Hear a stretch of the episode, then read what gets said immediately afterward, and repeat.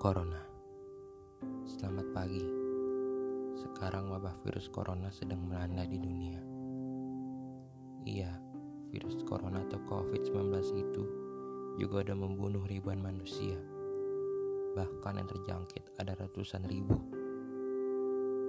Sekarang corona udah masuk ke Indonesia.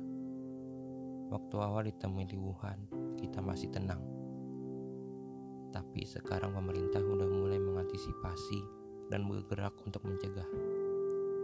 Beberapa waktu lalu, Presiden menyuruh kita untuk work from home, study from home, dan pray from home, yang artinya kerja, belajar, dan beribadah dari rumah.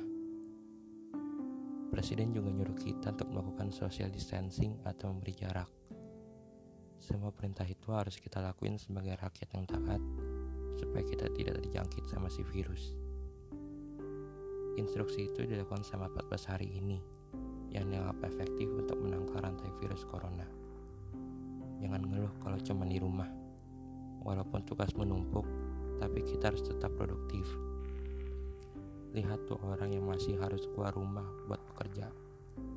Itu jalan satu-satunya mereka punya buat mencari nafkah. Jika tiba-tiba mereka kena virus corona gimana?